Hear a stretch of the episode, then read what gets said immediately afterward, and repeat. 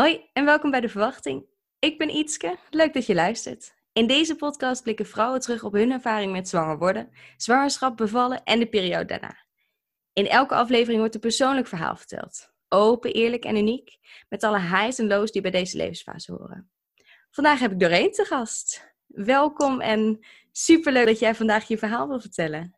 Ja, leuk dat ik er ben. Wil je beginnen met iets over jezelf te vertellen? Ja, ik ben uh, Dorene, moeder van uh, Ike en Nika en getrouwd met Mark. Ike is 2,5 en Nika is uh, drie maanden oud. Dus uh, twee kleintjes. Ik werk als docent voortgezet onderwijs. En daarnaast um, ja, ben ik een bedrijf aan het opstarten voor zwangere vrouwen en jonge moeders. Omdat mijn passie toch echt wel ligt vooral bij de psychische kant van zwanger zijn en moeder zijn. Dus je kan me vinden bij het account Vol Vertrouwen. Daar deel ik nu heel erg mijn eigen verhaal. En uh, hoor ik graag de verhalen van andere vrouwen. We gaan gewoon beginnen bij uh, je eerste zwangerschap van je, van je zoon Ike. Hoe ja. was uh, de weg daar naartoe? Het was een beetje een verrassing ergens. We wilden heel graag kinderen, maar waren nog niet zo heel lang getrouwd. Um, en toen kwam ik er, even denken, ik was dan op de duur gestopt met de pil, meer omdat ik die gewoon zat was. Um, en toen werd ik niet ongesteld. En dat duurde een jaar. Uh, in het ziekenhuis hadden ze gezegd, joh, weet je, als je kinderen wil, dan kom je maar weer eens terug. Dus wij dachten, nou, dan, uh, dan kijken we tegen die tijd wel. We wilden niet heel lang meer wachten, maar een jaartje of zo. Uh, maar ik vond het wel heel frustrerend dat mijn lijf niet gewoon deed wat het moest doen. Dat ik niet gewoon menstrueerde. Dus toen kwam ik terecht bij een, ik had het eigenlijk nog even op willen zoeken, maar volgens mij is een natuurgeneeskundige die met homeopathie en dat soort dingen werkte. Um, en nou ja, daar heb ik wat middeltjes gehad en wat therapie. En toen uh, ik heb ook, ben ik nooit meer ongesteld geweest. Ik was meteen zwanger. Wauw. Uh, hoe, wist ja, je, hoe wist je dat dan? Nou, het duurde best wel even voor ik erachter kwam. Uh, want ik was dus een jaar niet ongesteld ge geweest. Dus ik had wel wat zwangerschaptesten in huis. Maar ja, elke keer als je zo'n test deed, dan wist je eigenlijk van... Ik kan niet zwanger zijn. Ik weet niet meer precies hoeveel weken ik was. Volgens mij zes weken of zeven weken was ik al zwanger. En ik was bij mijn ouders thuis dat weekend en ik was daar de tafel aan het schoonmaken. En mijn moeder knalde per ongeluk tegen mijn borsten aan. En die waren heel gevoelig. Dus dat was een beetje het eerste, nog niet eens bewust, maar wel dat ik dacht, hé, hey, gek. Toen zei ik thuis tegen mijn man van, nou, zal ik nog zo'n test doen? Nou, laat ik het maar niet doen. Want ja, je bent dan toch ook ergens wel teleurgesteld. Want ja, ik ben liever zwanger dan telkens niet ongesteld. Dus hij naar beneden en toen ging die test doen. En uh, toen was hij opeens positief. Dus ik stond echt heel verbaasd naar te kijken. maar wel uh, heel blij. Ja, ja, fantastisch. Super fijn dat het dan ook uh, door middel van die homeopathische behandelingen, uh, ja, dat dat heeft geholpen. Ja, ik denk het zeker, ja. En hoe verliep de zwangerschap van Ike?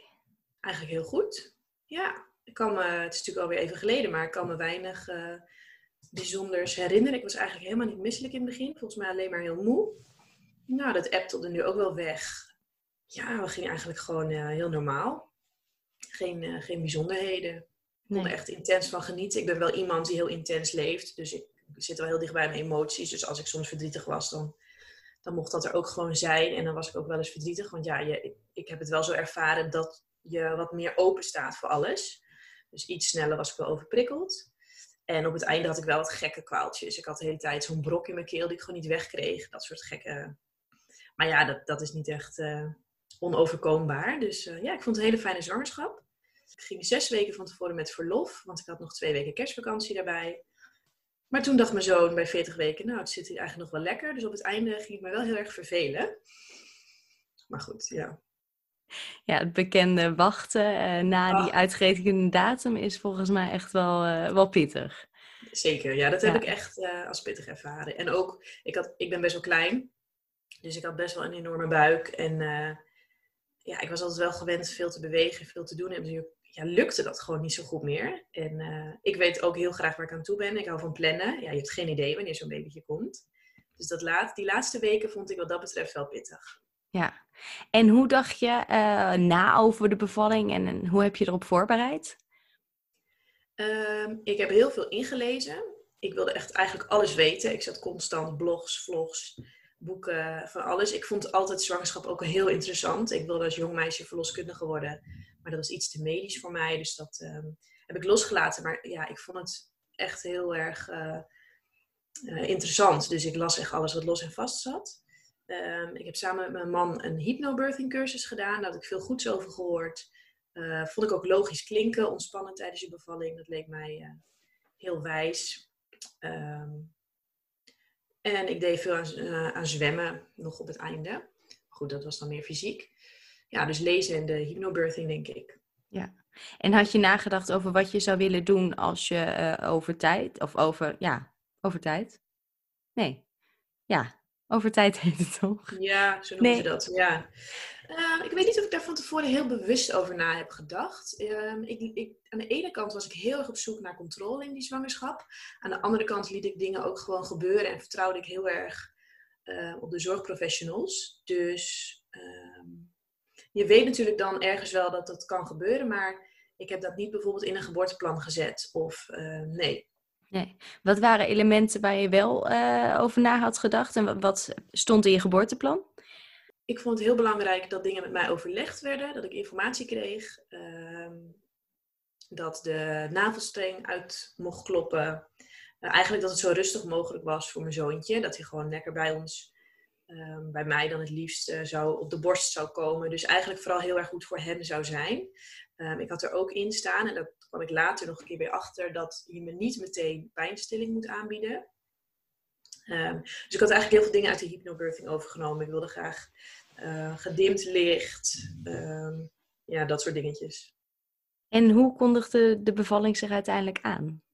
Nou, het werd uh, week 40 ging voorbij, week 41 ging voorbij. En uh, toen uh, zeiden ze bij de verloskundige praktijk van nou, dan moet je eigenlijk even op controle in het ziekenhuis. Dus toen zijn we naar een ziekenhuis gegaan in Utrecht. En daar werd ik niet echt leuk behandeld. Ik was denk ik ook wel een beetje gevoelig, maar ja, ik moest een inwendige echo, geloof ik. Of in ieder geval een echo. En ik had een hartfilmpje daarvoor gehad. En terwijl ik nog een soort van mijn onderbroek stond aan te trekken, ging zij al allemaal dingen met mij overleggen. Um, omdat ik dus al vrij laat aan het worden was. Officieel ben je pas na 42 weken te laat. Maar dat, ja, ik was dus al bijna 42 weken. Toen gaf ik aan dat ik heel erg opzag tegen weeopwekkers. En daar walste ze echt overheen. Dus ik zei ook tegen mijn man, ik zeg nou, dit vind ik niet echt leuk. En gelukkig had ik die avond nog een controle bij de verloskundige. En zij zei, joh, dan ga je toch naar een ander ziekenhuis. Dus een paar dagen later, ik denk twee, naar het andere ziekenhuis gegaan. En daar waren ze, ja, voelde ik me gewoon meer op mijn gemak. Het grappige is dat ik tijdens de tweede bevalling juist in dat eerste ziekenhuis ben bevallen. Maar goed. Um, dus toen hebben ze gezegd van nou, um, het lijkt me verstandig uh, om je te gaan inleiden over uh, een dag. Ik weet niet meer precies welke dagen het allemaal waren. En op dat moment vond ik dat echt heel fijn. Want ik was het wachten heel erg zat. Er was een plan. Ik wist waar ik aan toe was. Um, dus dat, op dat moment heb ik daar niet aan getwijfeld. Dus mochten wij op zaterdagochtend naar het ziekenhuis komen om ingeleid te worden nou, fijn dat je daar toen op dat moment wel klaar voor was en, en uh, open voor stond. Ja, Gelukkig. wel, maar mijn zoon was nog niet klaar. Nee, oh lord. Nou, uh, waarmee zijn ze begonnen met de inleiding? Um, ik kreeg tabletjes om um, de baarmoedermond week te maken. In het andere ziekenhuis hadden ze ballonnetjes hadden ze hebben geplaatst, maar hier werkten ze op een andere manier. S ochtends pilletjes, middags en volgens mij heb ik die s'avonds niet meer gehad. Want toen had ik al twee centimeter ontsluiting zaterdagavond.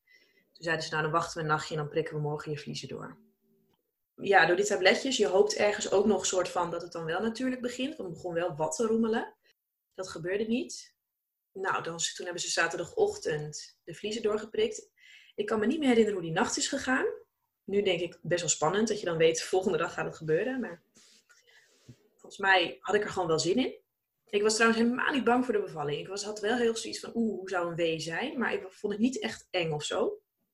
Dus ik hoopte eigenlijk nog, toen braken ze zaterdagochtend mijn vliezen. Of zondagochtend. Zondagochtend. En toen hoopte ik heel erg van, nou, dat het dan toch wel natuurlijk zou beginnen. Dus ergens had ik toch wel die drang, gewoon op de normale manier. Dus toen hebben ze een uurtje gewacht, maar er gebeurde niks. Dus toen kreeg ik infuus met weeopwekkers. Ja, ik vond het eigenlijk wel te doen. Ik was toen niet meer heel erg bezig met oei, opwekkers, hoe zou dit gaan? Ik had toen echt geaccepteerd, dit is wat er nu gebeurt. Uh, en ik ben lekker in bad gaan liggen. Wel een beetje met mijn armen raar naar achteren.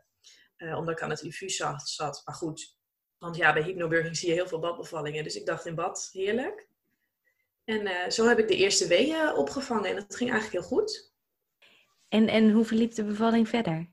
nou, op de duur kreeg ik rugweeën in bad. En ik wilde dus eigenlijk graag met mijn vuisten probeerde ik daar tegenaan te duwen. Maar dan kwam mijn buik zo boven water uit. Dus kreeg het een beetje koud. Toen dacht ik, oké, ik ga er nu uit. Ik lag niet meer lekker.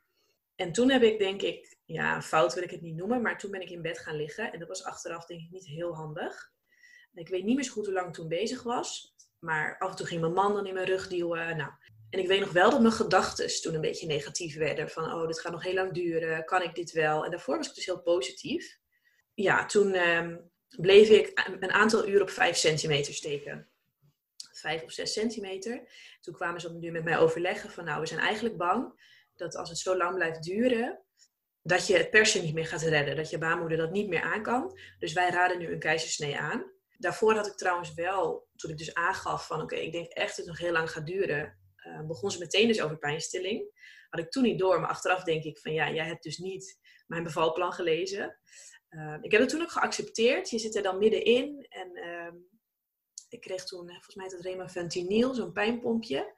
Terwijl ik eigenlijk, had ik toen gewoon steun nodig, mentale steun. Van joh, je kan dit. Ga nog even proberen rond te lopen. Ga nog even dit, ga nog even dat. Want dat had ik best nog gekund. Alleen ik kon dat op dat moment zelf niet bedenken. Maar goed, toen begonnen ze dus een paar uur later over de keizersnee, want ze vonden het te lang duren, die 5, 6 centimeter.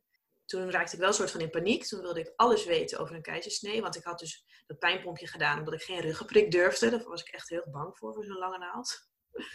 Is trouwens helemaal niet eng, maar goed. Op dat moment durfde ik het niet aan. Ja, en toen ben ik eigenlijk gewoon meegegaan met hun advies en uh, dan een keizersnee. En had je ooit van tevoren, uh, voor dat moment, nagedacht over dat een keizersnee een optie was? Je, je ruggenprik leek je eng. En verder hield je rekening met dat het zo hield, kon gaan? Ja, op zich wel. Ik hield wel rekening met alles. Kijk, je hoopt het niet. En het was niet zo dat ik het per se niet wilde. Ik stond er wat dat betreft heel open in. Uh, maar ik had me er niet extreem in verdiept. Ik weet nog wel dat ik een keer een, uh, een blog tegenkwam over een keizersnee. En dat ik toen dacht van nou, dat persoonlijke verhaal hoef ik dan nu even niet te lezen. Ook omdat je bij hypnobirthing heel veel meekrijgt van focus je op positieve bevallingsverhalen. Um, maar ja, je hebt ook hele positieve keizersneeverhalen. Dus dat was een beetje ja, onnozel misschien ergens. Maar dat gaf ook niks. Want daardoor uh, kon ik er ook wel open ingaan. En één affirmatie die ik het in mijn hoofd had was... ga mee met de wending die de baring neemt, zeg maar. Ik, ik luisterde ze dan in het Engels. Um, dus ik had wel zoiets van, oké, dit is nu wat er gebeurt. Dan ga ik nu hiervan genieten. Um, ik had wel af en toe verhalen gelezen van vrouwen die zich enorm schuldig voelden uh, bij een keizersnee. En nou ja, toen dat proces gaande was van, oké, het gaat nu een keizersnee worden. Toen schoot ik heel erg in mijn hoofd. En toen dacht ik, nee, ik ga me hier niet schuldig om voelen. Ik ga hier niet van genieten. Dit is nu wat er gebeurt. Prima. Heel fijn dat je zo die, die switch kon maken. Ja, hoe, hoe verliep de keizersnee verder voor je? Ja, die verliep heel goed. Gekke gewaarwording dat ze dan je zoontje uit je gaan uh, halen. Uh, maar ze legde alles heel goed uit. Mijn man zat naast me. Ik had een hele fijne, vrolijke gynaecoloog, dus ik voelde me op mijn gemak. Alleen de anesthesist vond ik niet zo, want op den duur, je voelt nog wel dingen, maar het doet geen pijn. Dus dat is heel gek, want je denkt dat je niks voelt. En, uh, dus dat wuifde die een beetje weg. Maar ik dacht, oké, je hebt je dag niet. Ik kon me daar wel voor afsluiten of zo. En ja, hij kwam luid krijzend ter wereld. En uh, werd omhoog uh, gehouden. En toen, uh, toen ik zijn hoofd zag, toen dacht ik, oh wow, gelukkig dat dat niet hoefde. dat was het eerste wat ik dacht, volgens mij. Dus hij was ook echt wel flink. Dus je kon echt wel zien dat hij al, die dag was hij echt 42 weken. Dat was hem wel aan te zien. Maar ehm, ja, en toen, ik had blijkbaar ooit tegen mijn man gezegd van, joh, als ik er toch niet bij kan zijn, doe meteen huid op huid bij jou. dus ze hadden hem natuurlijk even gecheckt en toen even wel bij mij neergelegd. Um, en toen uh, gingen mijn man en hij naar de, naar de kamer. En heeft hij, dat wist ik toen natuurlijk niet, maar heeft mijn man um, Ike bloot op bloot hem gehad. Oh, wat fijn. Heel, Heel fijn, goed. Ja. Had je nagedacht over borstvoeding? Was dat een wens? Ja, het grappige is, ik deed echt een soort van studie naar bevallen. En borstvoeding had ik echt zoiets van, nou, we zien wel. Um, dat gaf mijn moeder. Mijn moeder is kraamverzorgster. Die gaf dat later ook aan van, nou, vond ik zo gek dat je je daar dan niet op voorbereidde. Maar ik denk omdat ik dat gewoon thuis heel veel heb meegekregen. Omdat mijn moeder daar altijd heel veel over sprak. Over de vrouwen die ze dan steunde thuis. Dus ik had gewoon heel instinctief ook hup gelijk aangelegd. Um, het was weekend, dus het was heel rustig in het ziekenhuis. Dus ik hoefde ook niet naar een uitslaapkamer of zo. de anesthesist, die had er trouwens geen zin in. En iemand anders, die bij mij, hup, weer terug naar die kamer gereden. Dus ik was ook heel snel, echt binnen een half uur was ik weer bij Ike. Ja, aangelegd. Uh, mijn borstvoeding kwam niet meteen op gang. Dus ik heb wel nog uh, gekolfd toen. En daar had ik echt geen idee van hoe dat werkte en hoe dat moest. Dus gelukkig was mijn moeder er ook snel. En uh, Ike was wel heel hongerig, dus die, die kon, kon ik goed aanleggen. Maar ik kreeg wel ook een beetje bijvoeding, omdat er nog niks kwam. En hij was heel groot, dus hij had ook wel wat nodig. En um, hoe was het herstel van je keizersnee? Heel erg goed. Ja, ik had natuurlijk totaal geen vergelijkingsmateriaal, maar mijn moeder wel. Mijn moeder kwam ook kramen. En ze zegt, joh, echt vrouwen die gehecht zijn, die zijn nog uh, minder snel uh, actief dan jij. Ik was echt heel snel weer op de been. Misschien achteraf denk ik ook wel eens een beetje te snel. Um, uit het ziekenhuis wilden ze mij eigenlijk boven in bed hebben. En um, hielden ze eigenlijk beneden. Nou ja, voor je het weet stond ik natuurlijk ook weer beneden. Want ik wilde bij mijn baby zijn. Um, en ik vond het eigenlijk wel heerlijk, die gezelligheid en uh, ja, afleiding. Dus ik was vrij snel op de been. En je bent natuurlijk na een keizersnee eerst een paar dagen in het ziekenhuis. Waar je echt, echt rust hebt. En weinig mensen. En we ook niet veel visite. Dus dat scheelt natuurlijk ook. En ik, maar ik deed ook echt rustig aan. Ik was ook echt niet eigenwijs. Ik ging echt niks stillen. Ik belde af en toe een vriendin of ze wilde komen stofzuigen daar was ik wel vrij streng in voor mezelf. Ja, goed. En je vertelde dat je moeder kwam kramen. Ja. Wat leuk. Het was echt een uh, mooie ervaring. Uh, mijn moeder is dus kraamverzorgster. Ze was toen net uh, ermee op zich gestopt. Dus niet meer officieel mijn kraamverzorgster. Maar goed, ze kwam echt net, net uit het werkveld. Dus ze wist alles nog wel. En ze hebben, mijn ouders woonden wat verder weg. Dus ze kwamen allebei. En dan hadden we nog voor drie uurtjes officiële kraamzorg ja, nou fijn. Bijzonder denk ik om je moeder zo, uh, zo dichtbij bij te hebben. En ja, ook super fijn dat zij al die kennis natuurlijk heeft. Uh, zij is denk ik wel de grootste reden dat uh, de borstvoeding ook uiteindelijk na drie dagen thuis, dus ik denk een kleine week, kwam het ineens op gang. Ik had s'nachts hem al aangelegd. Het was grappig, mijn mans intuïtie was echt heel sterk. Die had echt een paar keer dat hij dingen zei en dat het dan klopte. Hij zei, volgens mij moet je hem gewoon even aanleggen in plaats van kolven. Dus ik had hem s'nachts aangelegd en toen hoorde je al echt van die slikgeluidjes. En de volgende dag overdag kolven. En toen uh, kwam het echt op gang. Dus dat uh, was ook mooi. Maar mijn moeder heeft me gewoon echt heel goed gesteund daarin. En ik deed gewoon braaf wat zij zei. Ik dacht, uh, dan komt het allemaal goed. Ja, ze zal het wel weten. Ze zal het wel weten. Ja, ja heel mooi. En hoe vond je het om moeder te zijn? Ik vond het echt heerlijk. Ja, ik zat helemaal op een roze wolk.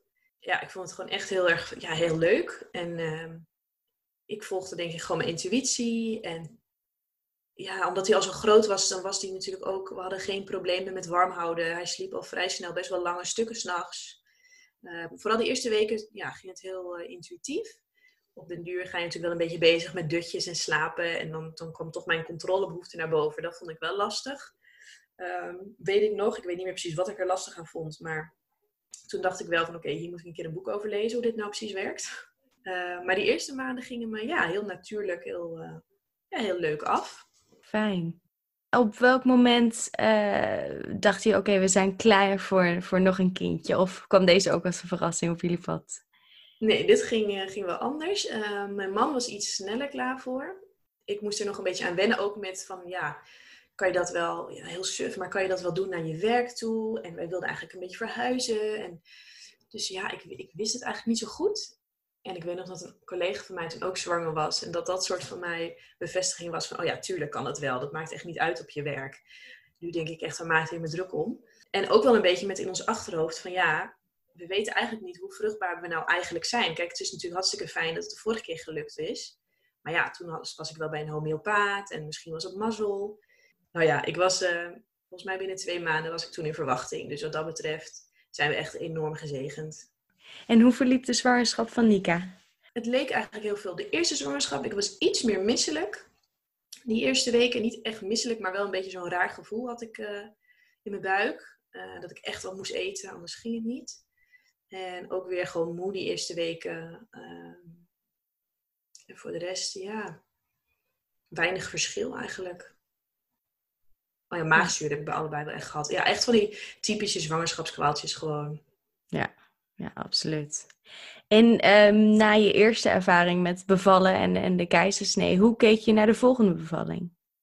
Nou, dat is echt wel een intens proces geweest. Want eerst keek ik heel positief terug op de keizersnee. Ik heb er wel eens een keer een blog over geschreven en toen noemde ik het ook een kalme keizersnee, wat ook echt wel zo was. Maar ik voelde wel van, hé, hey, Ike was er eigenlijk nog niet klaar voor. Hij was wel flink, maar hij had nog heel veel vruchtwater. Uh, de placenta was nog heel erg goed. Die hebben ze s'nachts nog aan mij laten zien ook. Dus ik ging er soms wel wat kritischer op terugkijken. En dat ik ook dacht van ja, maar ja, een paar uur op 5 centimeter zitten, is dat nou echt een reden voor een keizersnee? Uh, en die soort gedachten kwamen gewoon wel steeds een beetje meer. Nou, toen werd ik dus zwanger, dus toen ging ik natuurlijk weer inlezen in, uh, in zaken. Um, en toen kwam ik meer in aanraking met boeken als De Vrije Geboorte, um, Ina May, uh, kwam ik vaker mee in contact. Um, plus ik had tijdens mijn eerste bevalling wel heel erg de continue steun gemist van iemand of van meerdere personen. Ik zat wel heel erg in mijn eigen bubbel, maar het is, ja, er was één verpleegkundige die was heel lief. Die zei soms bemoedigende dingen en voor de rest eigenlijk weinig. En dat had ik toch wel echt gemist. Dus dat ging een beetje hand in hand. Dus mijn zoektocht um, naar wat natuurlijker baren en de zoektocht naar een fijne verloskundige eigenlijk. Hoe dacht je die uh, continu zorg te willen invullen? Eerst dacht ik, ik zoek een doula. Um, ik was steeds actiever aan het worden, ook op Instagram, ook rond dit onderwerp. Dus ik volgde ook steeds meer doula's. En op datzelfde moment was ik aan het nadenken over van ja, wat doe ik als uh, dit kleintje, we wisten toen een meisje werd, als zij ook uh, langer dan 41,5, als zij ook misschien wel 42 weken blijft zitten. En wij waren toen net verhuisd, dus ik moest ook sowieso moest ik naar een nieuwe verloskundige praktijk. En daar had ik die vraag ook al neergelegd. Uh, van ja, hoe kijken jullie daar tegenaan? En begonnen ze ook alweer over inleiden. Toen voelde ik bij mezelf al een beetje van ja, ik wil dat niet meteen standaard. En toen had ik twee doula's ook op kennismakingsgesprek. En eentje zei van ja, maar als jij een zorgvraag buiten de richtlijn wil, uh, zou je dan niet naar een holistisch verloskundige gaan zoeken? Dus dat ben ik gaan doen. En hoe verliep die zoektocht? Um, dat was wel even een paar weken vrij frustrerend. Uh, of ze mailden niet terug, of ze zaten al vol. Um, dus ik uh, zag het toen eventjes niet meer zitten. Ik begon het ook fysiek wel iets zwaarder te vinden op mijn werk. Um, wat dat betreft waren het wel heel veel veranderingen terwijl je zwanger bent. Dus toen vond ik mezelf wel even zielig. maar uiteindelijk, ik had iemand gezien op Instagram, uh, Margot. En die was nog niet officieel begonnen, maar ik had het toch ergens opgeslagen. En toen zou ik die week een gesprek hebben bij de reguliere verloskundige hier in het dorp. En toen dan zou ik moeten aangeven of ik bij hun zou blijven of niet. Toen heb ik toch die afspraak verzet. Ik dacht, ik wil eerst die Margot nog even spreken. En uh, die kwam bij mij thuis. Nou, na het gesprek wist ik van oké, okay, ik blijf bij haar sowieso. Ja, fijn. En uh, had je ook andere mensen onderdeel van je geboorteteam? Eerst nog niet, maar op het einde um, kwam er nog een fotograaf bij. Ja, oh mooi. Ja. Hadden jullie überhaupt foto's nog van de geboorte van, uh, van Ike? Ja, ja ik heb, ik, uh, mijn hobby is fotografie, dus ik heb wel een redelijke camera. Die was mee en uh, er was een hele fijne verpleegkundige. Ik heb geen idee wie, maar die heeft echt best wel goede foto's gemaakt. Um, ik kon ook zien dat er aan de instellingen was gezeten en zo. Dat was wel grappig. Dus ja, ik heb er echt heel veel foto's van. Dus, maar niet zeg maar, eigenlijk wel van de keizersnee, maar niet daarvoor. Want mijn man is niet zo van de foto's. Dus uh, toen bij de tweede zwangerschap een fotograaf op zoek was naar iemand um, die foto's wilde, wilde zij graag voor haar portfolio. Via van Sprankelend Fotografie. Um, toen dacht ik van ja, dit zou wel echt de kers op de taart zijn. Ja, ja absoluut. Hoe um, heb je samen met, uh, met Margot de bevalling verder voorbereid? Ja, op heel veel vlakken denk ik wel. Sowieso veel gesprekken erover gevoerd. Um, ze heeft me ondersteund bij het maken van een bevalplan. Uh, ze is meegeweest toch ook op gesprek in twee ziekenhuizen van eventueel de optie polyklinisch bevallen. Want omdat ik een keizersnee heb gehad, zou je in principe medisch worden. Maar naarmate ik meer en meer met haar sprak en nadacht, dacht ik van ja, ik voelde me eigenlijk gewoon niet op mijn gemak in het ziekenhuis. Ik kon niet ontspannen. Ik ben ook wel een beetje mijn vertrouwen kwijtgeraakt in de zorgprofessionals. Dus mijn wens om thuis te bevallen werd steeds groter. Maar dan moet je natuurlijk wel heel goed nadenken over de risico's en de consequenties. Um, dus veel gesprekken met haar gevoerd. Um, ze doet ook veel aan massage, dus gemasseerd. Uh, de geboorte gevisualiseerd. Ja, echt van alles eigenlijk. Ja. Op het einde ook moxa-therapie om te kijken of de bevalling, want toen was ik al 41 weken, om te kijken of dat misschien de bevalling zou starten. Um, ja, dus uh, ja, ze, is, ja, ze noemt zichzelf geen holistisch verloskundige, maar wel holistisch op alle vlakken eigenlijk uh, heeft ze me gesteund in de voorbereiding. Ja, heel mooi.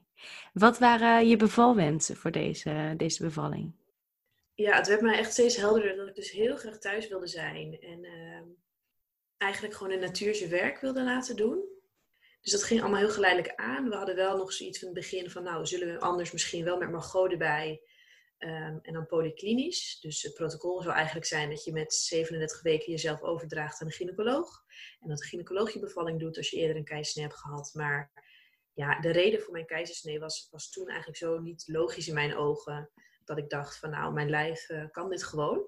En ik wilde natuurlijk ook wel in principe wachten tot na de 42 weken. Ik wilde het eigenlijk gewoon allemaal laten gebeuren. En, en kondigde de bevalling van Nika zich vanzelf aan of uh, had, ja, was er ook wat meer voor nodig? Um, ja, kon zich vanzelf aan. Um, ze is uiteindelijk geboren met 41,6, maar met 41,5 uh, begonnen de weeën. Heb wel de week ervoor dus nog die moxa-therapie geprobeerd. Um, dat is met een soort warme stick, gaan dan, gaat ze dan bij je rug. maar toen gebeurde er niks. Um, dus ik had mij al helemaal op voorbereid van oké, dit wordt langer dan 42 weken. Maar de twee dagjes daarvoor uh, begonnen smiddags de weeën. Ik had echt altijd gedacht dat gebeurt s'nachts. Nee, smiddags, uh, ik was s ochtends met Ike wezen boodschapjes doen en naar de speeltuin. En uh, smiddags wilde ik gewoon even lekker voor mezelf een momentje. Hij deed nog een dutje. Ik dacht, ik ga lekker serietje kijken, gewoon even lekker niks doen. En ik kon niet echt meer lekker zitten, daar begon het mee. En onbewust weet je natuurlijk wel van dit is het. Maar ja, de vorige keer had ik weeopwekkers gehad. Dus dan zit je gewoon meteen bam, vol in de weeën. Uh, nu ging het ook wel vrij snel hoor. Maar het, het, bouwde toch wel een soort van op. Dus in het begin durfde ik het nog niet helemaal uh, erop te vertrouwen dat het echt was begonnen. Toen werd Ike werd wakker. Dus die ging hem uit zijn bedje halen. Nou, ik kreeg nog net zijn ledikantje uitgetild. Uh, toen dacht ik al van nou, nu is er toch wel wat aan de hand. hij ging gelukkig, wilde hij niet meteen naar beneden. Maar ging hij lekker in zijn kamertje een beetje spelen en doen. Wilde hij een boekje lezen en ik echt op handen en knieën bij dat boekje. toen dacht ik, oké, dit zijn wel echt weeën. Dus toen heb ik vanaf, gelukkig had ik mijn telefoon bij me. Heb ik mijn man gebeld. Die was door de corona thuis aan het werken beneden uh, in mijn kantoor. En uh, ik zeg, joh, je moet nu echt uh, naar boven komen. Je moet echt eigenlijk van me overnemen, want dit lukt me niet. En hij zat in een coachgesprek met een cliënt, dus dat was wel grappig. Dus uh, ja, toen begon het wel echt. Toen was voor mij wel echt van oké, als je niet meer voor je zoontje kan zorgen, dan uh, is het wel echt gestart. Ja, ja. En op welk moment belde je dan ook Margot erbij en de, en de fotograaf? Um, nou, mijn man Mark wilde eigenlijk al vrij snel haar bellen. Maar ik had nog steeds een beetje zoiets van ja, doe maar rustig aan. Want anders hebben we hier straks iedereen over de vloer. Want mijn zusje uh, zou mijn zoon ophalen. En ik was daar allemaal nog niet zo aan toe. Uh, maar mijn man wel, die wilde nu gewoon alles uh, goed geregeld hebben. Dus mijn zus kwam en toen ook Margot gebeld. Die vroeg van, hè, is er nog aanspreekbaar? Hoe gaat het? Uh, nou, die kwam geloof ik s'avonds op den duur. Toen de weeën iets dichter op elkaar kwamen. Um, maar ik raakte al heel snel het besef van tijd kwijt. Dus voor mijn gevoel was ze er heel snel. Maar dat was echt wel een paar uur later. Ja, ja. ja en, en je kon de weeën gewoon prima, prima opvangen? Ja, eigenlijk wel. Eerst nog een beetje staand, een beetje wandelend. Um, ik had een uh, soort van kussentje, dat is goed voor je bekken, waar je een beetje mee kan wiebelen. Had ik op de nu op een stoel, daar zat ik een beetje op. Um, dus dat wisselde ik wat af beneden. Ja. En uh, Margot en Mark, ondertussen was de fotograaf er ook. Want ja, je hebt geen idee hoe lang het ook duurt. Um, en die wilde het echt niet missen. Want ja, door de corona had ze bijna geen bevallingen meer die ze kon fotograferen. Dus ik denk dat dat ook, ik weet niet zeker hoor, maar ik denk dat dat ook een beetje meespeelde. Dat ze deze echt niet wilde missen. Um, van joh, wil je al in het bevalbad? Toen twijfelde ik wel eventjes. Um, maar ja, dat is wel waar ik me op voorbereid had. Dus toen lekker naar boven. Uh, maandagavond was dat lekker bevalbad in. En dat vond ik echt heerlijk. Ja, fijn. En kon je daar een beetje fijne posities vinden? Of, of hoe, ja, hoe baarde je verder ja. in het bad? Ja, ik wisselde heel erg van positie. Dat vond ik fijn, tussen de weeën door. Ik had ze in het bevalbad uh, minder vaak dan daarbuiten. Want ik moest er wel af en toe uit. Of moest, maar dat is wel goed. Af en toe naar de wc en zo. Uh, dus buiten het bevalbad had ik meer weeën. Uh, dan erin. Maar erin waren ze wel wat krachtiger voor mijn gevoel. Uh, de fotograaf zei later ook, je was echt ideaal. Want je deed allerlei verschillende houdingen. dus ik vond het wel fijn om een beetje in beweging te blijven. Vooral tussendoor. Ja. Hoe verliep de bevalling verder? Nou, ik zat er zelf eigenlijk heel lekker in. Uh, ik vond de weeën echt wat te doen. Wel intens hoor, wel pittig, maar wel... Uh, ja, ik ging gewoon niet aan mezelf twijfelen. Uh, dus positieve gedachten. Ik werd ook een beetje gemasseerd. En ik voelde me totaal niet alleen, wat ik de eerste keer wel een beetje had. Het duurde wel, zeg maar, in die zin lang voor de mensen om mij heen. Zelf was ik dus tijdsbesef kwijt. Dus ze wisselden elkaar wat af. Er was nog een verloskundige beneden, omdat dat, ehm, uh, doen dat vaak bij dit soort situaties. Als er toch een medische indicatie wel is. Gewoon om ook met elkaar te kunnen sparren. dus ja, Mark, Margot en de fotografe Vera, die wisselden elkaar op de duur wel eens af. Kon ik af en toe even, ik vind het best wel fijn om te kletsen, ook toen. Ik zat echt wel in mijn bubbel, maar vond het soms heel fijn om eventjes, nou Vera is bijvoorbeeld ook moeder, om even met haar uh, in te tunen van dit is normaal toch? Dat ik dit voel, of had jij dit ook? Of dat vond ik heel fijn. Margot en Mark, die gingen me dan af en toe masseren of me even moed inspreken. Dus dat ging eigenlijk heel fijn. Maar op den duur was het, uh, was het al, volgens mij al de volgende ochtend. Dus ik was echt al heel lang bezig. Uh, en toen werd het wel een beetje aan mij duidelijk gemaakt van, joh, we moeten nu wel gaan nadenken wat we willen. Uh, mijn blaas zat me heel erg in de weg. Ik had constant het gevoel dat ik moest plassen. Um, dat het niet goed zat of zo. Het lukte allemaal niet. Dus mijn blaas ging mij irriteren. Dus ze heeft me nog een keer gecatheteriseerd. Moeilijk woord. Um, dat hielp niet echt. Ja, toen werd het een beetje zo van: oké, we zijn nu uh, nou, bijna een dag verder. Zullen we anders toch je vliezen breken? Toen dacht ik van ja, dat is misschien wel goed. Ik heb toen nog geprobeerd met andere houdingen. Um, we dachten misschien ligt Nika niet helemaal goed. Dus een trappetje op en af.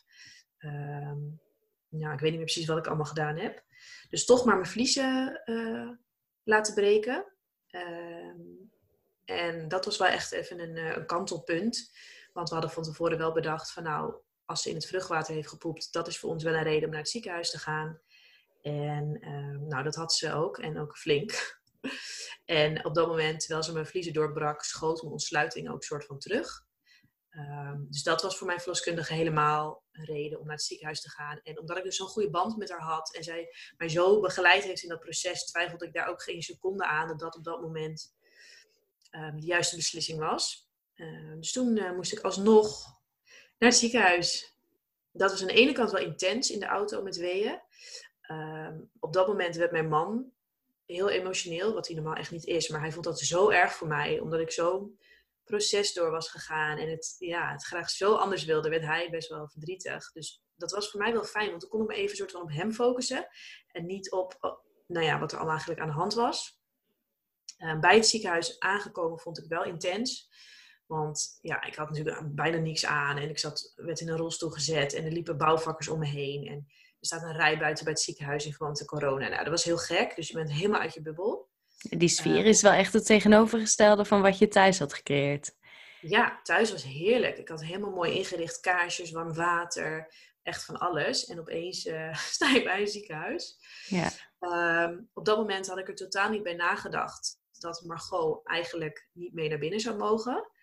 Um, ik was toen ook helemaal niet bezig met het feit dat er corona heerste. Ja, je, zit, je bent gewoon met jouzelf en je baby bezig. En um, ze zegt, ja, ik ben nu aan het bellen. Ik zeg, je gaat mee naar binnen. Ik ga echt niet zonder jou.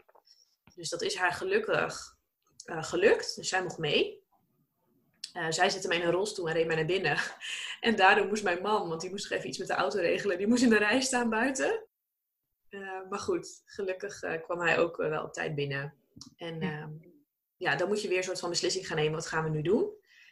ik werd wel meteen medisch. was ook wel logisch hoor op dat moment. Um, dus ik kreeg een CTG om, van die banden. Eigenlijk alles wat ik gewoon niet wilde. Maar nu, ik had wel me voorgenomen, ik blijf heel dicht bij mijn intuïtie. En ik wist wel van dit is nu goed, dit is nu oké. Het bevestigde mij wel achteraf van ja, een ziekenhuis is voor mij niet de ideale plek. Want je hebt dezelfde weeën, maar die voelen echt tien keer zo heftig. Um, dus mijn man heeft zich echt rot geduwd op mijn rug toen. Um, toen dacht ik van oké, ik wil dit wel. Want ze gaan natuurlijk, dacht ik toen, een keizersnee aanraden ik dacht, als ik nu een keizersnee doe, dan doe ik dat voor mezelf. Omdat ik het zat ben en ik ken mezelf, daar krijg ik later spijt van. Is misschien best een goede reden, maar ik ken mezelf, dat, dan ga ik niet goed op terugkijken. Eh, dus toen zat ik ondertussen aan het CTG. Toen dacht ik van nou, dit hou ik niet heel lang meer vol. Dus laat ik dan toch maar een ruggenprik doen en misschien dat ik het dan nog red. Nou, Margot vond het ook een goed idee. Uh, zij waren de artsassistent was aan het overleggen. Ze zegt van ja, in principe raden we een keizersnee aan, maar ik ga nog even met de gynaecoloog overleggen. Dus ze twijfelde. En de gynaecoloog vond het hartfilmpje nog wel zo goed om het te proberen. Dus toen uh, mocht ik een rugprik en dan wel aan de weeopwekkers. En dan uh, kijken of ik weer tot 10 centimeter kon komen. Want ik was thuis dus 9 centimeter voordat ze mijn vliezen brak. Maar toen schoot ik terug. Dus volgens mij toen weer 5. Heel vreemd. Um, toen moest ik nog wel heel lang wachten op de rugprik. Dat, was echt, dat waren denk ik de heftigste uren van de bevalling. Um, maar goed, toen die eenmaal zat, toen uh, kon ik even ontspannen, even tot rust komen. En uh, Mark en Margot ook. En toen s'avonds uh, de ruggenprikker af. Ik was tot 10 centimeter gekomen met die opwekkers ook. Soms vraag ik me af of dat echt nodig was, maar goed. En toen mocht ik gaan persen. Ja. En uh, dat was echt heel erg moeilijk. En niet in de zin van zwaar of pijnlijk, maar ik had al bijna, weet ik het hoe lang, me ontspannen en weeën weggezucht en uh, openen, openen. En opeens moest ik kracht gaan zetten. Nou, dat voelde zo gek. Ik denk op zich wel dat ik persweeën had. Ik had het vandaag nog over met een andere moeder. Toen dacht ik van ja, het voelde wel zo.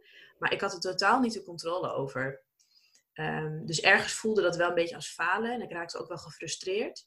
Uh, plus dat opeens andere mensen je aan het aanmoedigen zijn. In plaats van gewoon Mark en Margot. Ik weet nog dat ik op de duur dacht van hou allemaal je klep. Maar goed.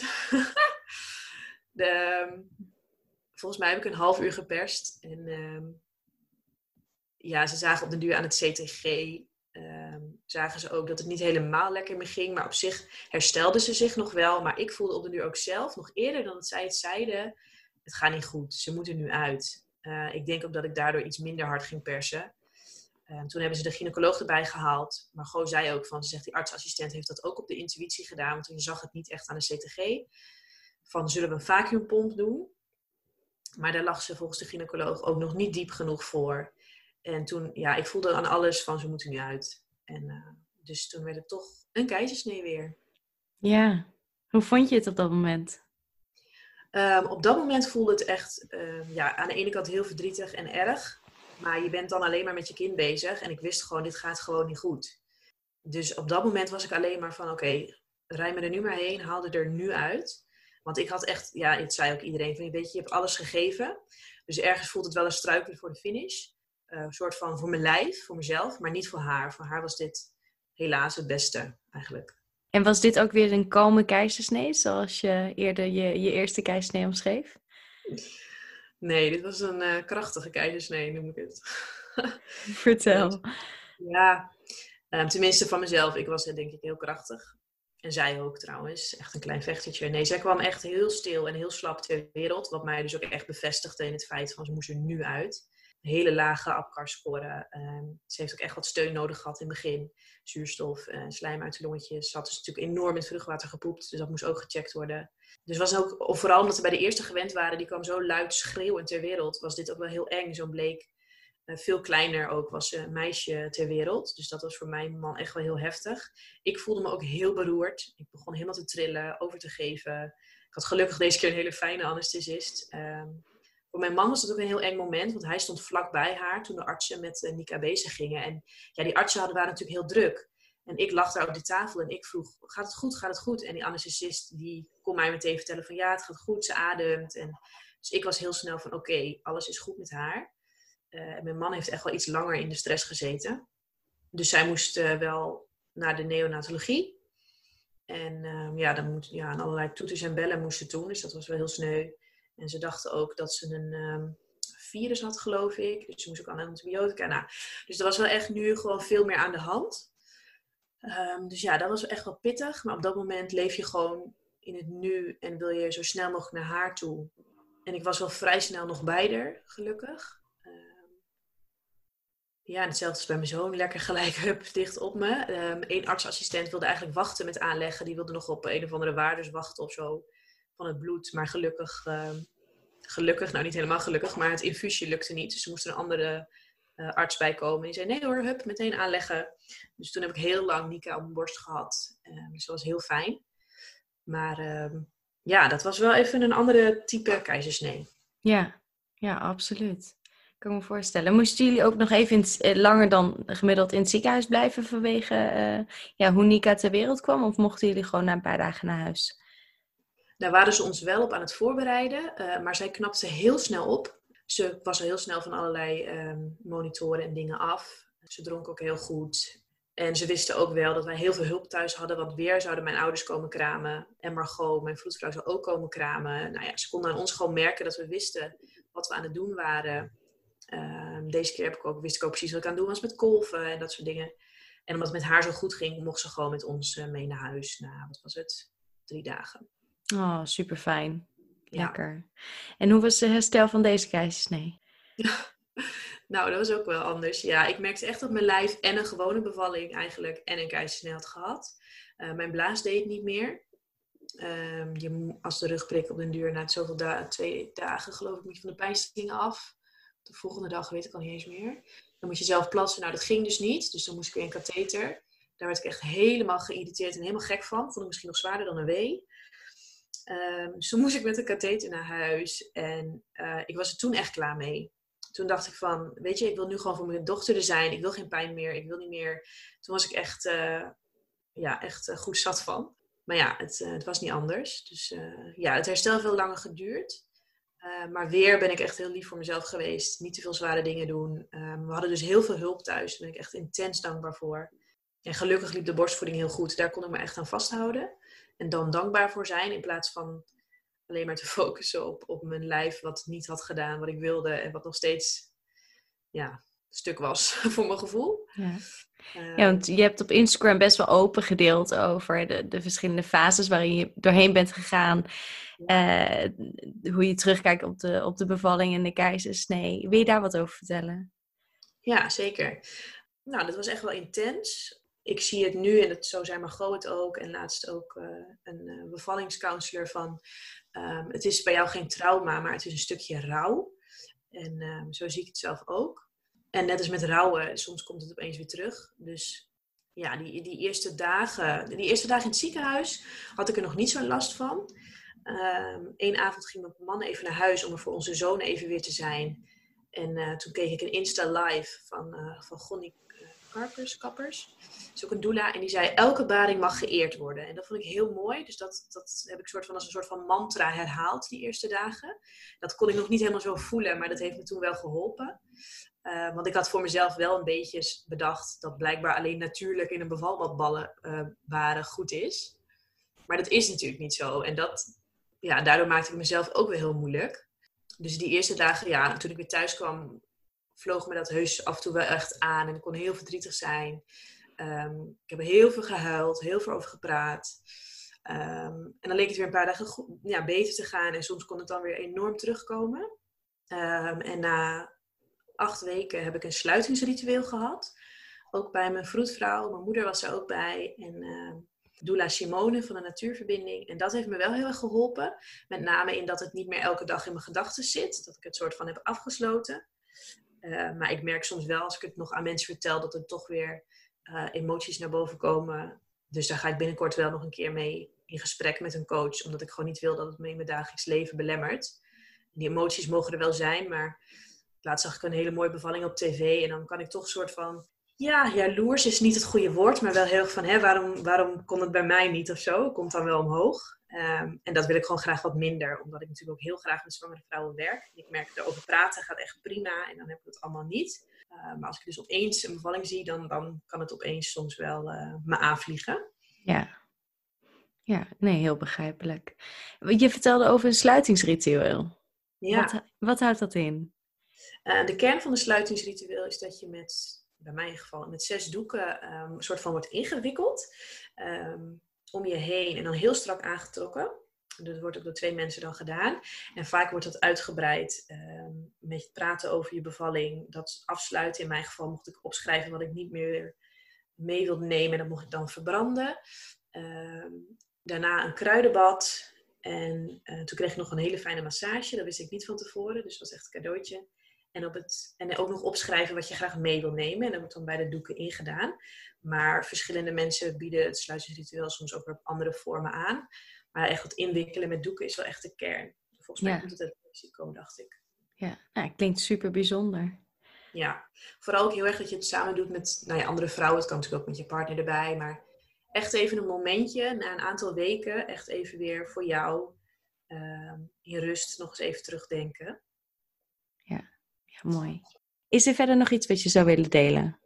Ja, ik wil altijd zoveel delen met zwangere vrouwen. Maar ik wil vooral vrouwen die eerste keer zwanger zijn meegeven om echt te vertrouwen op jezelf. Uh, als, er, als, er, als je op een keuzemoment komt te staan, of je bent over dingen aan het nadenken, blijf heel dicht bij jezelf. Wat vind ik zelf? Hoe voel ik me daarbij? Is dit echt wat ik wil? Gen, ja, geniet er ook alsjeblieft van. Zoek een manier of een plek of een nou geen idee om ervan te genieten. Ehm, ik heb me soms wel schuldig gevoeld dat ik het misschien te veel deed. Dat ik heel veel fotoshoots liet doen. Of dat ik er heel intens mee bezig was. Maar nu denk ik ook van ja, hoe vaak ben je nou zwanger in je leven? En ehm, ja, geniet, ja, geniet ervan. En soms lukt het niet. Hè. Dat kan natuurlijk zijn dat je fysiek het heel zwaar hebt. Of uh, mentaal. En dat is ook oké. maar zoek dan ook alsjeblieft hulp. Er zijn heel veel coaches. Er zijn heel veel ja, je hoeft het niet alleen te doen. Ik heb zelf ook, toen was eigenlijk zeven maanden, heb ik ook een coach gezocht. Toen vond ik het iets heftiger. Dat was voor mij een fase die ik moeilijk vond. Zo heeft iedereen natuurlijk wel zo'n fase waarin het even niet gaat. Ehm, en als je je bevalling, stel je hebt een eerdere bevalling gehad, of je komende bevalling is traumatisch of is een rouwproces, uh, dat mag er ook zijn. En uh, als het alleen niet lukt, uh, of nou, misschien lukt het alleen wel, maar zoek gewoon hulp daarbij. Want het is zoiets intens. Het is, kan iets prachtig zijn. Het is nu natuurlijk weer helemaal ja, je ziet online echt weer een soort van golfbeweging komen met heel veel positieve verhalen en natuurlijk bevallen. En dat is ook heel mooi en dat mag ook meer gehoord worden. Ehm, maar dus, ja, het zijn twee kanten. En als jij die kant niet hebt meegemaakt, dat is ook, niet, dat is ook oké. Ja, ja, nee, heel mooi. En dat is inderdaad ook wat, wat ik met deze podcast probeer te bereiken. Dat we uh, alle soorten verhalen uh, horen. En niet, natuurlijk niet op de manier van, oh weet je, het is een trauma en ik gooi dat even over de heg naar jou toe. Maar uh, wel eerlijk over zijn dat het, ja, het kan op verschillende manieren verlopen. En ja. hoe het ook is, het is oké. Okay. En wat je zegt, als je het niet oké okay voelt, vraag hulp. Um, ja. Want het, ja, het, het blijft zo'n groot zo'n grote gebeurtenis in je leven. En als je daar nog zo mee zit, dan heb je daar echt nog best wel lang last van. Klopt, je vergeet dat nooit meer. Ik merk dat aan mijn, aan mijn moeder, aan mijn schoonmoeder. Zodra ik iets raak wat hun heeft geraakt in de bevalling, dan, dan is dat voor hun alsof het een, ja, vorige week is gebeurd. Ja, ja, ja, ik denk ook wel dat er in de, de heerst een soort van plaatje over hoe bevalling zou moeten gaan. En het kan op zoveel manieren gaan. Nou ja, en wat zij dus ook zei, elke baring mag geëerd worden, hoe die ook uh, verlopen is. En misschien heb je er iets van geleerd. Hè? Ik heb de eerste keer geleerd van oké, ik laat me niet meer inleiden. En voor een, of, ja, ik heb er ook nog van geleerd, het ziekenhuis is voor mij niet de plek. Maar ik coach ook een vrouw. Voor haar is het ziekenhuis juist, daar voelt ze zich heel veilig. Dus hè, het is voor iedereen anders. Ja, ja, absoluut. Ik wil je heel erg bedanken voor het delen van, uh, van je verhaal. Dank je wel. Ja, bedankt dat ik mijn verhaal mocht doen. En ik hoop uh, dat iemand er iets aan heeft. Ik vond het in ieder geval heel leuk om te delen. Goed om te horen. En bedankt voor het luisteren weer naar deze aflevering van de Verwachting. Ik ben heel benieuwd wat je van het verhaal van vandaag vindt. En ik hoor graag je reacties op Instagram. Daar kan je me vinden op de Verwachting Podcast. Tot de volgende keer.